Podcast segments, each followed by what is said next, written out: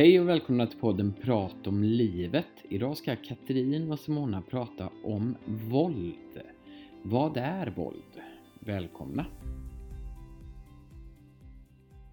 Katrin, idag när vi träffades så bestämde vi oss för att vi skulle prata om ett ganska tungt ämne som är våld och vad våld är egentligen. Hur ser du på det här med våld?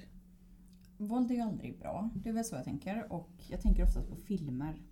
Mm. Våld, det ska vara blodigt och man har till och med lagt på massa ljud för att det ska ge en effekt. Och att det faktiskt finns människor som triggas utav att våldföra sig på olika sätt. Mm. Det finns ju så många olika sorters våld. Mobbing är en sorts våld. Emotionellt våld. Det kan vara trakasserier, eh, det kan vara sexuellt våld. En del vill ju ha våldsam sex kanske. Eller de som triggas igång utav att bråka och tjafsa med någon så att det blir slagsmål. Ehm, det är precis som att det har funnits så länge att man löser saker och ting med nävarna. Ja, men det, det, har ju funnits, det tror jag det har funnits alla tider att man löser saker och ting med nävarna. Men det som jag eh, tycker är skrämmande och det som har eskalerat det är ju det att vi löser inte våld med knytnävarna längre. Utan vi löser våld med kniv och pistoler och bomber. Bara det senaste som har hänt här. Ja. Eller när man blir arg, man känner sig kränkt av olika anledningar. Eh, så det har ju eskalerat och jag tänkte också när du sa det här med film. Och då tänkte jag så att många i unga ålder tittar på de här filmerna och när vi läser om våldet i tidningarna. Nu mm. läste jag i morse om en kille någonstans, jag tror att det var i Öre, Öre, Örebro. Mm. Nej, jag kommer inte riktigt ihåg. Men eh, han hade varit, fått en helt ny moppe och så hade han varit ute och skulle väl se en fotbollsmatch och sen när han skulle åka hem så var det några två killar som kom fram och slog ner honom och sen kom det typ 15 killar till och började sparka honom i huvudet. Och sen så sparkade honom i magen och sen så tog de hans insulin eh, han hade såna, vad heter det, som när man har Diabetes? Ja, som var inopererad eller vad ska man säga. Så då tog de den och gjorde sönder den. Eh, och jag tänker så att förstå de här, för det, jag antar att det var barn i 12 till kanske 16-17 års ålder, eh, så ungdomar. Och jag tänker allt det här våldet som vi ser på TV, att vi kan sparka eh, människor i huvudet 15 gånger och de ställer sig upp. Vi kan slå dem, vi kan slänga dem över en bro och de reser sig upp. Det finns ju ingen verklighet i det. Mm. Och det känns som att ungdomar idag, eller vi idag, inte bara ungdomar, att vi har blivit så avtrubbade och att vi tror att det är en verklighet och vi förstår inte att det är film. För det räcker ju egentligen med ett slag. Mm. Och så är hela ditt liv förstört. Du kan bli förlamad, du kan eh, ja, naturligtvis dö. Mm.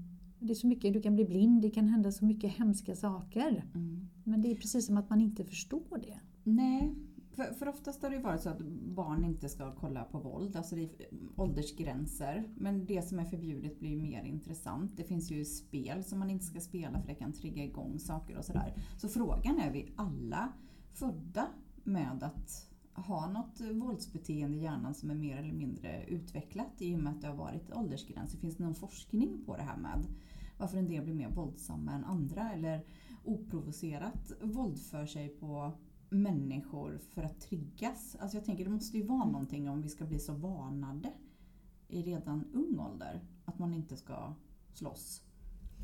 Men jag tror klart att vi blir avtrubbade. Och jag tänker ju bara lite grann när vi tog upp det här ämnet nu i början, när, när vi kom innan vi började spela in. Och så tänkte jag så här, våld, alltså när upplever man att man är utsatt för våld? För att jag själv fick en fråga en gång för jättelänge sedan om, om eh, jag upplevde att en person hade varit våldsam. För den personen upplevde att en ja, person hade varit våldsam genom att knuffas och kanske ge knytnävslag i, i axeln eller, eller knuffa till i väggen. Sådär. Och jag tittade på den personen och förstod ingenting. Tills jag faktiskt insåg att men det har jag ju också råkat ut för och den här personen upplevde det som misshandel. Mm. Eh, och jag upplevde det som bara, ja ja men det var väl ingenting. Och då tänkte jag tillbaka på min uppväxt. Mm. Eh, hur vi hade det, eller hur jag hade det runt omkring mig och det här vardagliga våldet som många barn växer upp med i förhållanden att en utav föräldrarna kanske är mer aggressiv än den andra av olika anledningar och faktiskt slåss. Mm. Eh, gapar och skriker, det här med psykisk misshandel också, man blir utfryst och, och så att man har kanske inte den man förstår inte. Och en person som inte har haft det kanske runt omkring sig när man har vuxit upp ser ju det för vad det verkligen är. Mm. Eh, och därför tror jag också att det är ju inte bra för barn att titta på sådana här filmer eller i för tidig ålder eller se våld i hemmet. För det blir, ju, det blir ju en vana. Man förstår ju inte förrän man kommer ur det att det här är inte normalt, det här är inte vanligt. Precis som att barn kanske inte förstår att när man tittar på den här, som jag tycker om, de här John Wick-filmerna eller vad de heter. Eh, och eh, Keanu Reeves han slår ihjäl folk och skjuter, det är splatter och det är blod och de reser sig upp hela tiden och det är samma människa som reser sig upp hela tiden. Mm. Och återigen i verkligheten, ett slag så hade den det. personen varit död. Liksom. Mm. Nej, och det finns ju det finns många sådana filmer som, som man tycker är lite coola, lite action. Jag tycker Bruce Willis eller um, gud, det finns så många skådisar som är grymt duktiga på att överleva slag. Ja. Eh, Så, eh, och det är, ju, det är ju bara film, fiction. Eller, ehm, eller i spel när man själv är karaktären. Jag tänker på den här bilspelet, heter den Grand Theft Auto eller? Ja, det någon- låter bekant. Jag Ja, kan nej, inget om spel.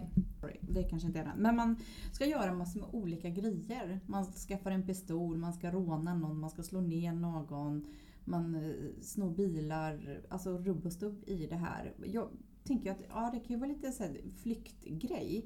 Men Mm. jag tror att en del triggas ju mer än andra. Jag vill lite veta varför en del triggas så utav våldet. Jag blir ju rädd om jag skulle se liksom ett slagsmål. Jag blir nervös, ledsen, orolig. Vill liksom, när man har sett någon på stan eller på krogen när det blir lite eh, handgemäng, liksom att de ska stå och vifta där med nävarna. Då blir jag ju rädd. Jag skulle tycka det var väldigt svårt att ta min lilla knytnäve och ta sats och slå någon. Bitch-släpp, örfila. Mm. Det är ju också kränkande och våld egentligen. Och det kanske man har gjort någon gång. Men jag, nej, men jag tror att majoriteten av oss tycker det, det är jätteobehagligt. Alltså, Mm. Att bara se våld eller höra att någon, någon börjar, man börjar skrika på varandra och det Ja. knyter sig i magen och man, Mm. man tycker oj, det var obehagligt det här blir. Eh, och så tänker man sig, men, men så är, finns ju de här människorna som du pratar om och då tänker jag lite grann på de här fotbollshuliganerna som träffades i, i, i veckan på Avenyn här i Göteborg och skulle bråka med ansiktsmask.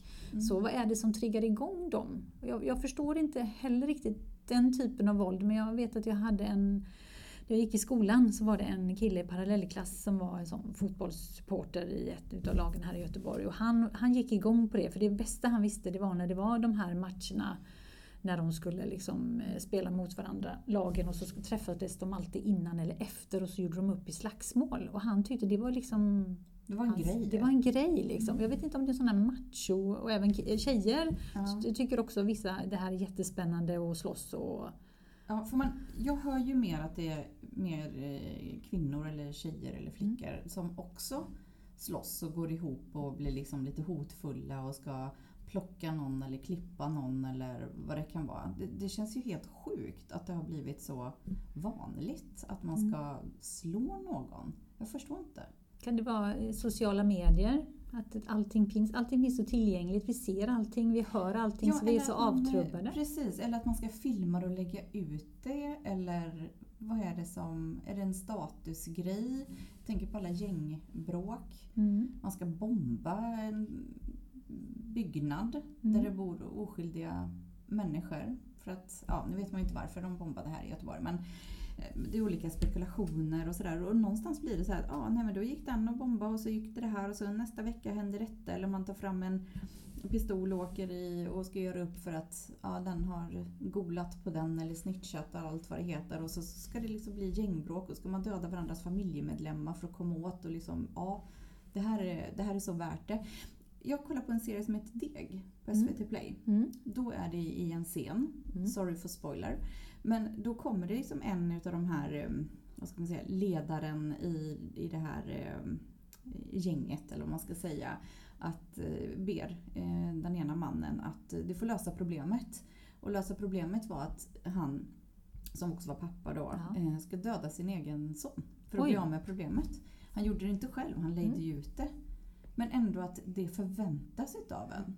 Tänk om man bara kunde säga nej, det tänker jag inte göra. Är man så rädd för sitt eget liv så att man tar då sitt sons liv? Nu har ju inte jag sett den här, men för mig då blir det så här, ja men då är det sån här hedersrelaterat våld för att den här sonen kanske har gjort något och så ska familjen rädda, rädda sitt ansikte. Och det är ju Precis. så främmande för oss här uppe i Norden, för vi har ju inte haft den kulturen. Nej. Eh, och nu har vi massa som kommer från andra länder oavsett, eh, från södra Europa och, och neråt, Afrika och Asien och allt. Mm. Eh, och där har man ju den här hederskulturen eller det här hedersvåldet. Familjen, det är viktigt att man, är, man ska rädda hela familjen och då är det ju inte bara mamma, pappa, barn utan då är det kusiner, farmor, farfarmor, alltså hela... Alltså, Ja, men för ett anseende, Ja. det är ju helt sjukt. Mm. Eller barnaga som är tillåtet i vissa länder. mm. Finns det inte internet? Nej. alla länder. Nej men det är... Alltså, Inte att det Kina. Inte bra. Nej, det men alltså det säkert. inte är... eh, Alltså hur, hur kan man aga sina barn för att uppfostra dem? Är man så jävla ryggradslös och späd som person att man är tvungen gå på någon som är tre fyra år daska till i rumpan när den har gjort något fel eller för att man själv är frustrerad. Det är klart att det barnet lär sig att det är så här man ska göra. Lite som vi har pratat om att Mm. barn- lär sig. Så att man föder ju upp nya galna människor. Jag tycker att människor som slåss är lite galna. Det är ju någonting som är fel som triggar igång att man faktiskt går och slår någon. Eller med flit, emo- emotionellt Mm. trycker ner någon. Mm. Fysisk eller psykisk våld. Mm. Det är liksom det man kan prata om. Jag tycker det är... Um, Ja. men ibland så här, hellre ett slag än någonting som är psykiskt som sitter kvar.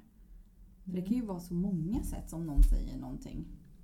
Jag, jag håller med dig. Eller så, jag brukar alltid säga ett slag då får du ett blåmärke oftast eller mer och det, det försvinner. Men det här psykiska, oftast är det ju en kombination tyvärr. Och mest vet vi om att det är kvinnor som råkar ut för det här. Både psykiska och fysiska våldet. Eh, Det finns ju en del män också. Det skrivs inte så mycket om de männen eftersom de tycker det är jobbigt och det skäms. Eh, De skäms ju Precis. för att Och det lite kanske att det är mer i samkönade Mm. eh, manliga relationer som det förekommer. Men att det, det är så det ska vara. Det är ungefär som att det blir en kultur. Eller ett sätt att det här är någonting som är... Så här är det bara. Och det är ju upp till, var, upp till var och en, det låter så krasst men det blir ju så här, någonstans så sätter man ju stopp. Eh, Och där är det ju jättesvårt för där har vi också varit inne och pratat om att har man en person som inte är, har det sunda förnuftet, faktiskt har en psykisk diagnos eh, eller emotionell störning så är det ju jättesvårt att bara avbryta. Utan man får ju successivt hitta olika, olika vägar att göra det. Eh, och, och det är jättetufft. Men jag tänker också lite grann det vi var inne på här i början när vi pratade om det här med våldet och hur det har eskalerat. Och jag tänker ju lite också då att eftersom det är så mycket ungdomar som är ute på stan och sådär och då pratar jag, tänker jag också det här med föräldraransvaret. För jag kan uppleva att någonstans är det många, inte alla, men många som lägger skulden på staten, på skolan, men går Samhället. In, samhället, men går inte tillbaka till sig själv som förälder eh, och inte tar det här ansvaret själva utan man har så fullt upp, vi har pratat om det också, med sina egna liv så man glömmer bort barnen lite för det ska, de, det ska bara funka och när det inte funkar och sen så får man tyvärr ett barn som hamnar i ett umgänge som inte är så sunt Mm. och då är det oftast redan för sent. Mm. Och så försöker man på olika sätt då få hjälp och så upplever man att det finns ingen, ingen hjälp att få för det finns inte resurser Nej. till det. Liksom. Och krasst kan man ju faktiskt inte bara säga så att, att barn, ungdomar som inte får uppmärksamhet, det är de som går ut och slåss. Det är inte riktigt så, men jag tror att en större del, skulle jag nästan våga sticka ut hakan och säga, att det är uppmärksamheten man vill åt. Man vill bli sedd, man vill bli hörd, man vill få respekt för att man kanske inte fick det som barn eller har vuxit upp i en ehm, relation, familj, konstellationer där, där våldet har varit en vardag. Och det är så man löser problemen. Ja, när jag växte upp så hade jag eh, en kompis i min närhet som växte upp med en ensamstående mamma och hon eh, fick jättemycket stryk. Alltså, och det visste vi alla och det är jättehemskt. Nu pratar jag, nu är vi inne på i början på 80-talet liksom. Och hon var ju en av de här värstingarna ute på stan som slogs. Mm. För hon hade ju så mycket aggressioner i sig själv. Det var ju liksom ingen som såg henne, ingen som hörde henne. Och, och hade familjeförhållanden som ja, var fruktansvärda. Så att så fort hon blev tonåring så var ju hon ute på stan och slogs. Mm. Och det, det är det jag menar, att det är upp, ehm, De vill ha uppmärksamhet. Mm. De har liksom inte den här självkänslan eller tror gott om sig själva för de kanske har fått höra att de är värdelösa och så har de fått eh, stryk. Och det, det blir så svårt hur man kan någonstans försöka få de här personerna att de själva bestämmer att de inte vill vara en del utav det här längre. De kan ju inte må bra utav det. De kan ju inte känna att det är rätt. Jag har så svårt att sätta mig in i det, att det här känns rätt. Att få någon annan att blöda eller må dåligt. Nej, absolut inte. Och jag tänker ju bara, jag som alltid brukar tänka åt alla håll och kanter och brukar sätta in mig i situationen. Och jag kan tänka mig att om man själv har blivit slagen och, och har det här att man känner att man vill slå någon annan. Det är inte så att jag tror inte man känner sig bra eller känner sig stor eller stark efteråt. Men kanske i stunden så får man kanske någon form av upprättelse. Men sen efteråt så tror jag inte man känner att man är vattenvärd själv. Nej. Men man har en sån, eh, vad ska man säga, en eh, man har skygglappar för sig själv Mm. och så rättfärdigar man det man gör lite som, som vi i allmänhet gör när vi gör saker som vi upplever. Och det kan vara små grejer som vi gör som vi vet att oh, men det här var fel, jag ska inte stjäla den här jättedum eh, jämförelse. Men så tänker man, ja men det får jag göra för att det är så synd om mig eller det, det här. Alltså, vi gör ju gärna det fast vi förstår ju att det är fel. Ja, och det är det med, alltså, ibland kan man bli orättvist behandlad kan man tycka utifrån sig själv. Mm. Att jag är orättvist behandlad. Den här känslan tycker jag inte om. Mm. Men vad är det då som gör att man vill projicera den känslan till någon annan? När man själv tycker att det här kändes så jävla ont och jobbigt och det här var inte rättvist. Men man kan lika gärna göra det andra för att ge igen. Mm. Någonstans borde man ju stoppa det där då. Att jag vill inte att någon annan ska behöva känna så här. Som jag fick känna precis nu när jag blev utsatt för den här delen. Eller trauma som kan bli om man har blivit slagen eller blivit kränkt eller eh, vad det nu kan vara. Att nej men då ska jag gå och göra likadant. De är ju fan mig lika dålig. Mm. Jag är så jävla upprörd bara. Ja men definitivt, för man lever i sin egna lilla bubbla. Jag vet, min dotter hon sa det på så ett himla bra sätt. Vi såg en dokumentär på TV12 som handlade om just gängen i Göteborg och de hade intervjuat några gängmedlemmar i Biskopsgården, en, en journalist. Eh, och hon sa det till mig, men mamma, de lever i en helt annan värld. De, de har inbillat sig själva, de, har, de ser hot och faror överallt. Mm. Och det är ju deras verklighet och de är så paranoida. Mm. Och de lever med den här skräcken ständigt. Att bli skjutna så är det bättre att vi skjuter själva. De har ju tappat all sans och förnuft. Mm. Plus att de också erkände i den här dokumentären att de tog ju droger. De här. Så det blir ju så att det blir ju ett, ett... Vi pratar ju oftast om det här parallella samhället och det finns ju olika parallella samhällen. Det finns ju Mm. flera. Det är inte bara Mm. 50 shades of grey som man brukar säga. Utan, utan det är liksom 200, 300, 500 nyanser utav grått. Och ibland så lever vi, när vi lever människor runt omkring. Det är det enda vi känner till. Vi, kan, vi tänker inte på att öppna dörren och lyfta, lyfta blicken och se att vänta lite, det här, är det någon sanning i det här? Behöver jag leva i det här? Mm. Som barn är ju det jättesvårt. Det är ju som vuxen man kommer på. Men precis som du säger där Katrin, där har man faktiskt ett val. Mm. Ska jag ta med mig de här trauman eh, från min barndom och ge detta till mina barn? Är det, så, är det en sådan förälder jag vill vara? Eller ska jag resa mig och faktiskt bli den förälder som jag själv hade velat haft. Den här förstående, respekterande föräldern som lyssnar men också kan sätta gränser på ett bra sätt och tala om för barnen det här är inte okej, det här är okej, jag är den vuxna så nu får du lyssna på mig. Men samtidigt att man ger sina barn en bra självkänsla och självförtroende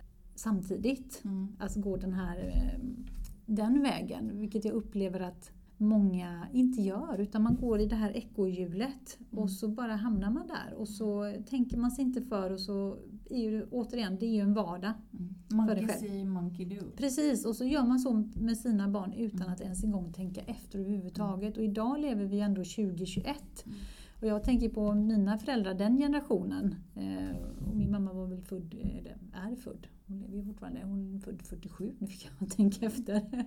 Min pappa var ju född eh, 38. Så det är ju jätte, men den, vi tänker inte så, men den generationen de hade ingen aning, deras föräldrar. Och mina föräldrar hade egentligen ingen aning om det här med modern uppfostran Nej.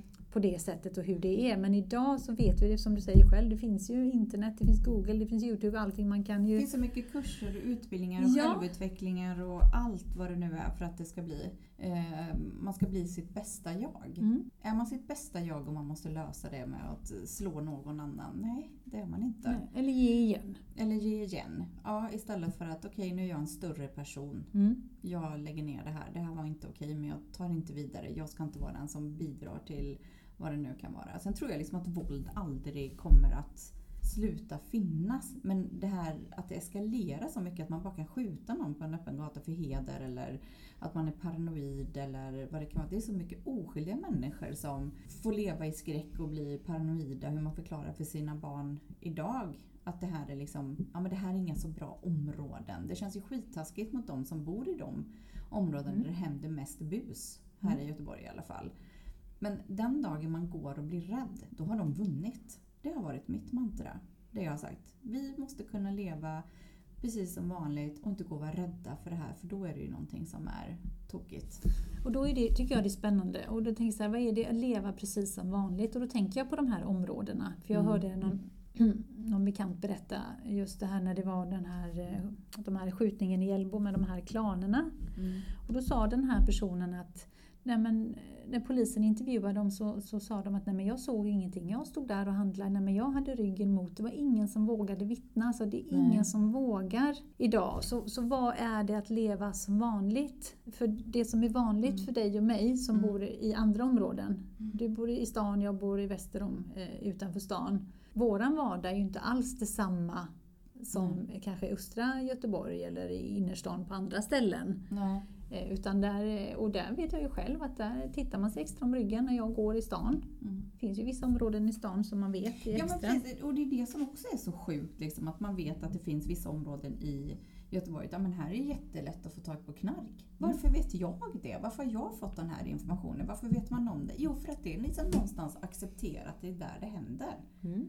Varför, varför gör inte man någonting? Mm. Man, säger jag då. Ja. Eh, för jag vill inte lägga allting på polisen som har så mycket andra saker. För de får ju åka hem till de här familjerna där någon har fått spö. Eller eh, det kan vara någon som har... Ja, det händer andra saker. Så de kan ju liksom, alltså man önskar att de kunde förebygga. Men att det borde finnas mer människor som är så intresserade och skyller allting på samhället att de kanske engagerar sig och tar tag i de här sakerna. Att göra någonting själva. Mm. Patrullera eller finns det här morsor och farsor på stan? Nattvandring, finns det kvar ens? Ja men det finns det och det läste jag faktiskt om att de i Biskopsgården har eh, sådana nattpatruller som är ute och går. Så att mm. Man märker ju att det händer saker och ting och det, det börjar ju ja, börjar bli ett engagemang på ett annat sätt. Och jag hoppas ju innerligt att alla de här föräldrarna eh, som har barn som har hamnat i de här dåliga kretsarna. Sen vet ju jag att alla föräldrar är naturligtvis inte det. Alla kan få ett barn som hamnar i dåligt umgänge. Så. Absolut. Men att man eh, försöker ändå eh, så mycket som möjligt stävja det och det vet jag ju också föräldrar och, och, eh, som säger att de går med sina barn till skolan för att de inte ska bli rekryterade av de här gängen och de följer med dem. Och det är ju fruktansvärt att vi inte kan släppa våra barn själva mm. till skolan. Vi kan liksom mm. inte släppa dem själva att de ska åka till fotbollsplanen eller vad det nu än är. Utan Nej, för där kan de ju bli upptagna av en lastbilschaufför när de cyklar själva första gången och ja. bli mördade. Nej men det är just den här skräcken att man inte får bli rädd för då har de inom situationstecken mm. vunnit någonstans. Mm. Jag, jag försöker verkligen ha det mantrat själv mm. att jag vill kunna röra mig så pass fritt. Sen får man ju vara lite aktsam. Men det finns ju också de här som är sökare. Mm. Som eh, triggas utav de här sakerna eller vill hela tiden testa nästa gräns. Man vill se hur fort en bil går. Man vill veta hur mycket kokain man kan ta eller man kan se om man vågar skjuta någon eller man ska klättra. Man ska liksom hela tiden adrenalin-junkies.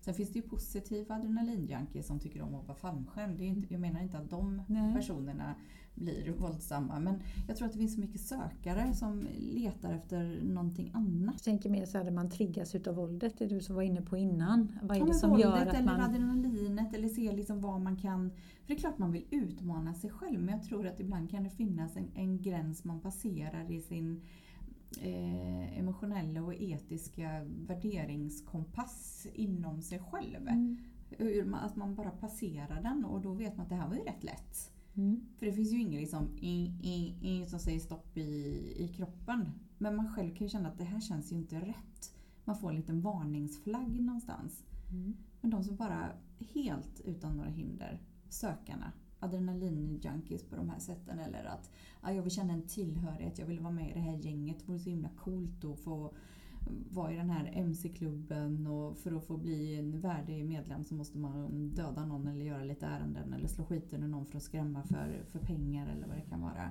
Jag, jag tror inte att man kan få ett perfekt samhälle. Det, det är verkligen inte. Men om alla någonstans sätter sig och funderar själva och sen har man egna barn eller har minderåriga runt omkring sig att man kanske ska börja prata om det här med våldet.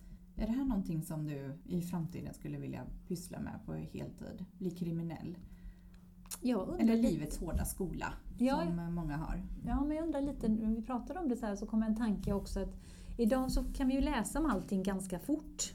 Mm. Och då tänker jag, hur var det egentligen för 10 år sedan, 15 eller 20 år sedan, 30 år sedan? Mm. Alltså fanns det lika mycket? Jag tror det fanns, men om man tänker kvällstidningarna nu som har blivit som skvallerblaskor och så hela tiden ska överdriva allting och fortsätta nöta i det så att det blir en sån sanning, det är makten där. Mm. Det kanske fanns någon notis i tidningen förut um, där det stod någonting att någon hade blivit överfallen så var det ingen big deal. Nu är det liksom tidningsrubriker och det är det värsta som har hänt och sen kommer det massor med Eh, man kan eh, köpa till för att läsa liksom andra artiklar om detta för man vill grotta ner sig. Och egentligen vill jag inte ta upp det här ämnet för jag vill inte att det ska få uppmärksamhet. Men det är ju det nya som har kommit nu. Vet inte hur länge det har funnits men det är incel. Alltså vad, hur många steg tillbaka ska vi gå egentligen? Vi har pratat om att de är kvinnor lika värde, det har varit det här med feministsnacket och det har varit um, hashtag metoo. Så kommer det en, en grupp med pojkar som ofrivilligt eh, oskulder som tycker att eh, kvinnor ska straffas och våldtas. Och Ja, och det, jag tror att det där, nu tittade inte jag på den här dokumentären men jag har hört väldigt många prata om den, jag borde kanske titta på den själv. Men så som jag förstod summan av kardemumman så, så precis som du sa så var, eh, var ju de flesta där oskulder och de upplevde att kvinnor inte ville ha dem. Men så var det två män, eller om det var en man som hade lyckats få ett ligg då. Eller någon mm. hade efter, hade fått massa brev och fått För det är ju livet, verkligen, ja, och så hade sin oskuld. Alltså hade det vänt.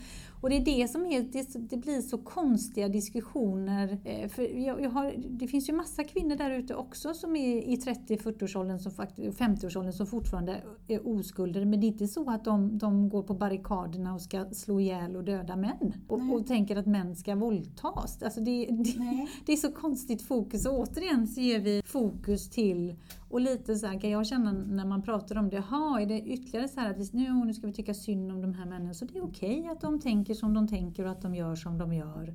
Och vad synd det är om dem. Kom här till mamma så ska jag klappa dig, sätt det här i knät. Nej, men det blir lite det här tycka synd om mig. Jag, kan bli så arg på det, för vi har väldigt mycket det och jag kan uppleva väldigt mycket i Sverige det här att eh, om du är en underdog, du är utmobbad, du är mm. utfryst, då ska vi tycka synd om dig. Och det kan man se på de här tidningsrubrikerna också, när någonting har hänt. Då ska mm. man försvara eller förklara. Mm. Och när man förklarar varför den här personen har gjort som den har gjort, nej, men då, då ska man ju också försvara den personen. Att mm. ja, men ni måste ju förstå från den synpunkten att, att den har gjort så. Men Alltså, går Varför måste en jag förstå en ja. sån människa? Jag vägrar att förstå en sån människa. Bra. Ett, du är störd i min bok. Ja. Det här är fel. Det här är så fel på så många plan. Vem, vem är du att sätta dig över alla andra? Mm.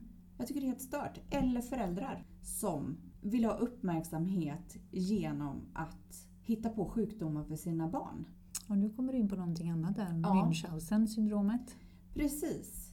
Och barn, alltså så oskyldiga barn som utsatts för så många sjuka saker av sina mm. eh, föräldrar. Bara en sån sak. Att de inbillas att tro att de är sjuka när det egentligen är föräldrarna som vill ha den här uppmärksamheten.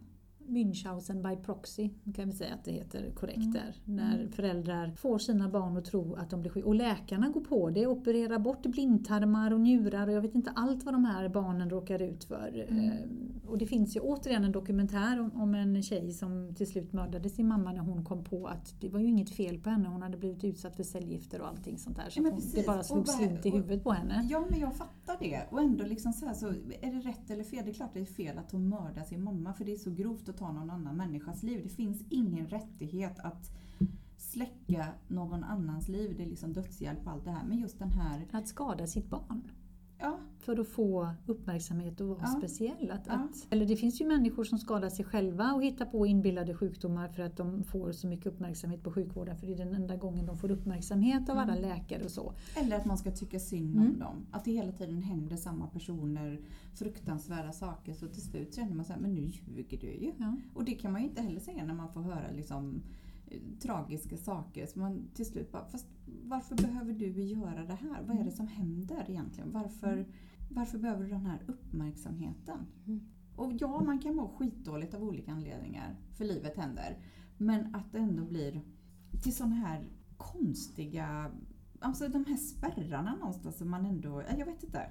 Jag kan inte sätta ord på det här. Nej men det, de försvinner ju, alltså spärrarna, någonstans när du går över gränsen. Och antingen kan, det ju, kan jag tänka så, det finns ju ingen sanning i det, det är bara min tanke här. Men jag kan tänka så här, när man väl går över gränsen så kanske man tänker att nej men nu har jag gått, nu är, nu är det loppet kört, nu, jag kan lika väl köra på. Go loco. Ja men precis, eller så har man inte den emotionella, alltså man har inte de känslorna. Man förstår inte att man går över gränsen, man känner ingenting. Utan man bara känner sig oförrättad och, och jag tycker att nej, men du har gjort detta på mig så nu tycker jag inte du ska leva eller, jag- eller jag ska skada dig. Liksom, hur man än tänker där. Och så har man inte det för man tycker att nej, men jag hade rätt att göra det. För jag, jag, jag kan inte känna, och- och det som jag tycker är jätteskrämmande det är att vi har, eh, vi tittar ju på de här himla zombiefilmerna hela tiden Mm. med zombiesarna som går omkring och äter upp folk och mördar och allt vad de gör. Men Mm. om vi tittar krasst idag på alla människor då, nu när vi har tillgång till alla de här nyheterna och allt det som händer. Och de har inga känslor till att de faktiskt har skadat en annan människa eller gjort en annan människa illa eller har mördat en annan människa. De känner ingenting. Och för mig är det ju riktiga zombies. Mm. För de, de bara går, de är som robotar, de bryr sig inte överhuvudtaget. precis. Finns det fler psykopater i samhället? För jag menar inte känna känslor och här saker. Det är ju psykopatvarning, Mm. eller vad man ska kalla dem. Ehm, och då blir det, är det, det, det är sånt mörkertal. Och vad är det som händer? Är det genetiskt? Vi har ju varit inne lite på det Mm. förut. Att, eller är det saker som triggas igång? Alltså hur mycket varnings... eh, Eh, ska man ha för, för att liksom producera de här eh, hemska våldsfilmerna och sådär? För jag menar, det går ju alltid att få tag på dem om de skulle förbjudas helt. Det finns ju alltid en undervärld. Ja, ja, ja, naturligtvis. Och det finns ju, vad heter den, Darknet och allt vad det heter, de här hemska. Eh, men jag tror att majoriteten, vi får inte glömma majoriteten av oss, vi är normala. Så sätt att vi känner känslor, vi vet när vi, om vi går över gränsen, vi stoppar alltid, vi går inte över gränsen. Även om man blir så fruktansvärt arg att man har lust att ta, eh, göra någon illa Mm.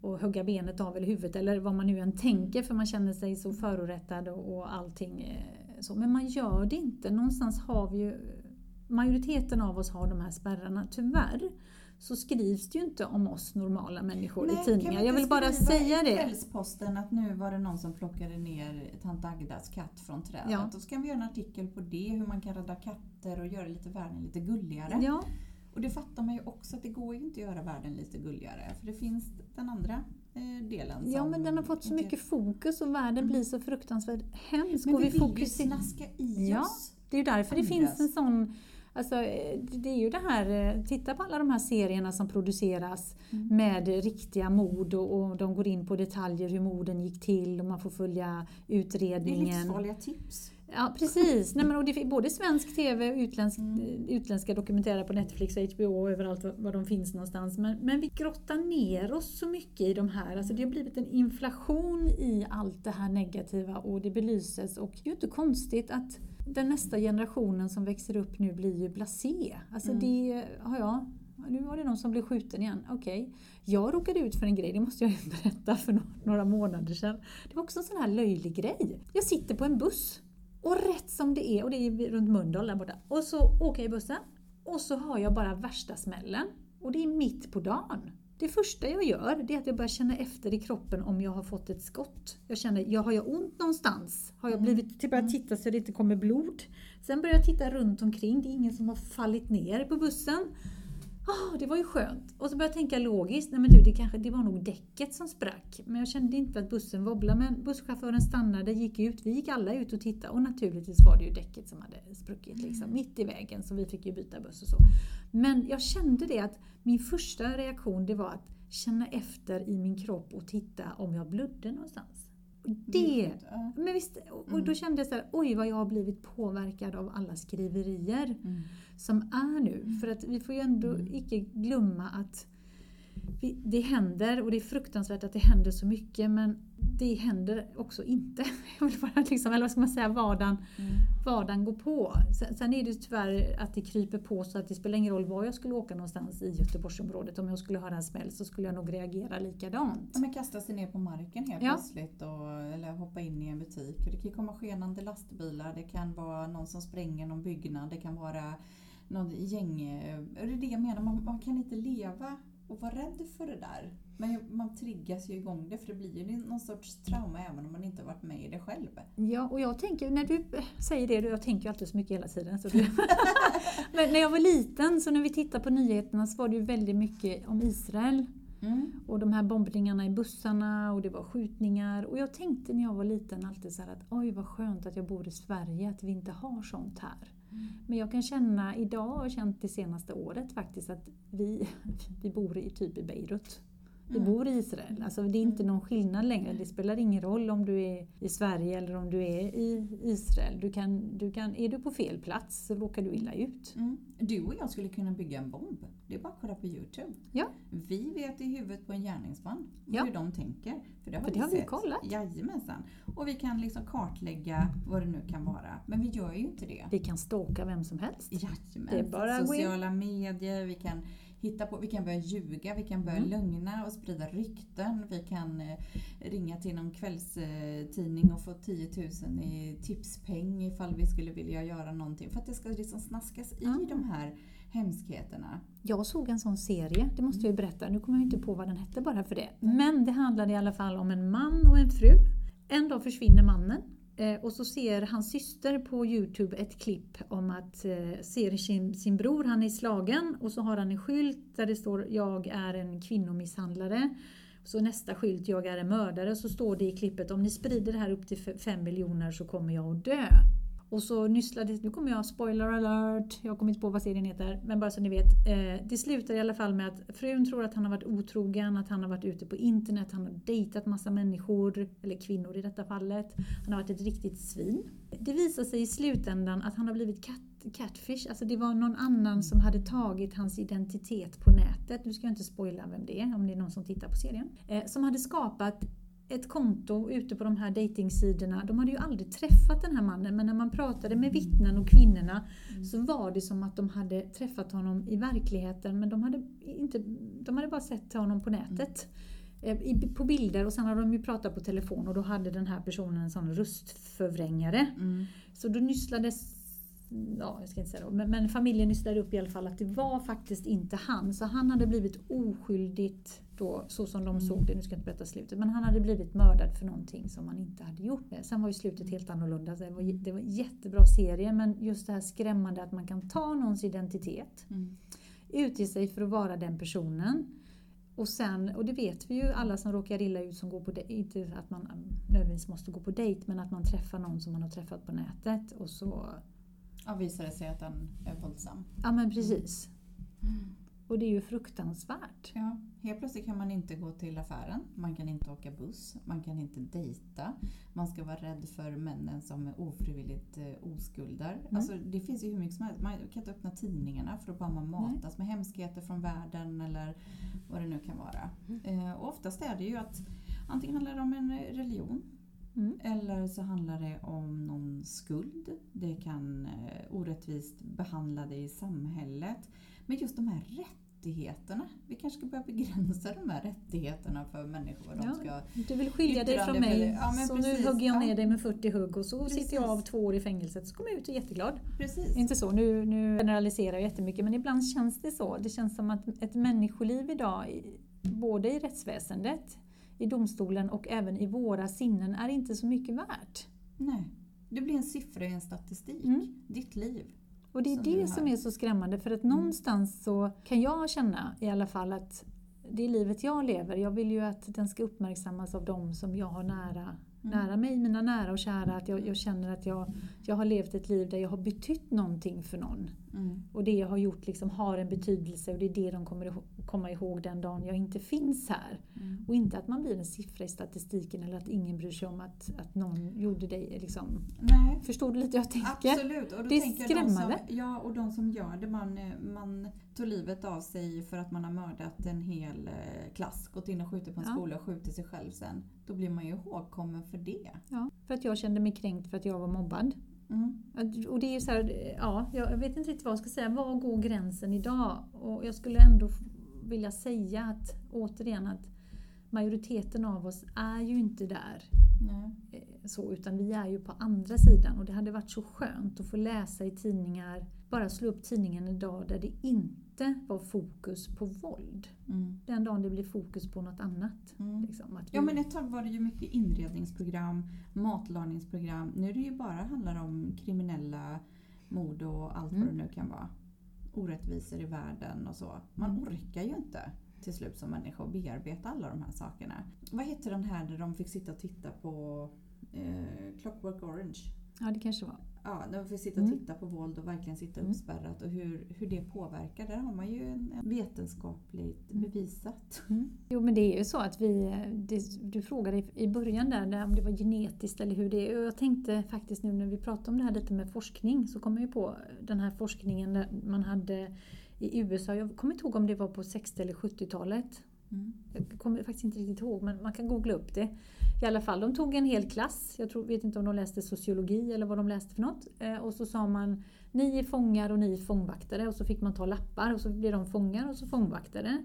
Då kunde man se, de fick, jag tror de fick avbryta efter två eller tre dagar för de som var fångvaktare blev överjävliga mot de som var fångar. Alltså de, de blev riktigt, riktigt De gick in brutala. i sin roll. De gick in i sin roll och det gick så fort.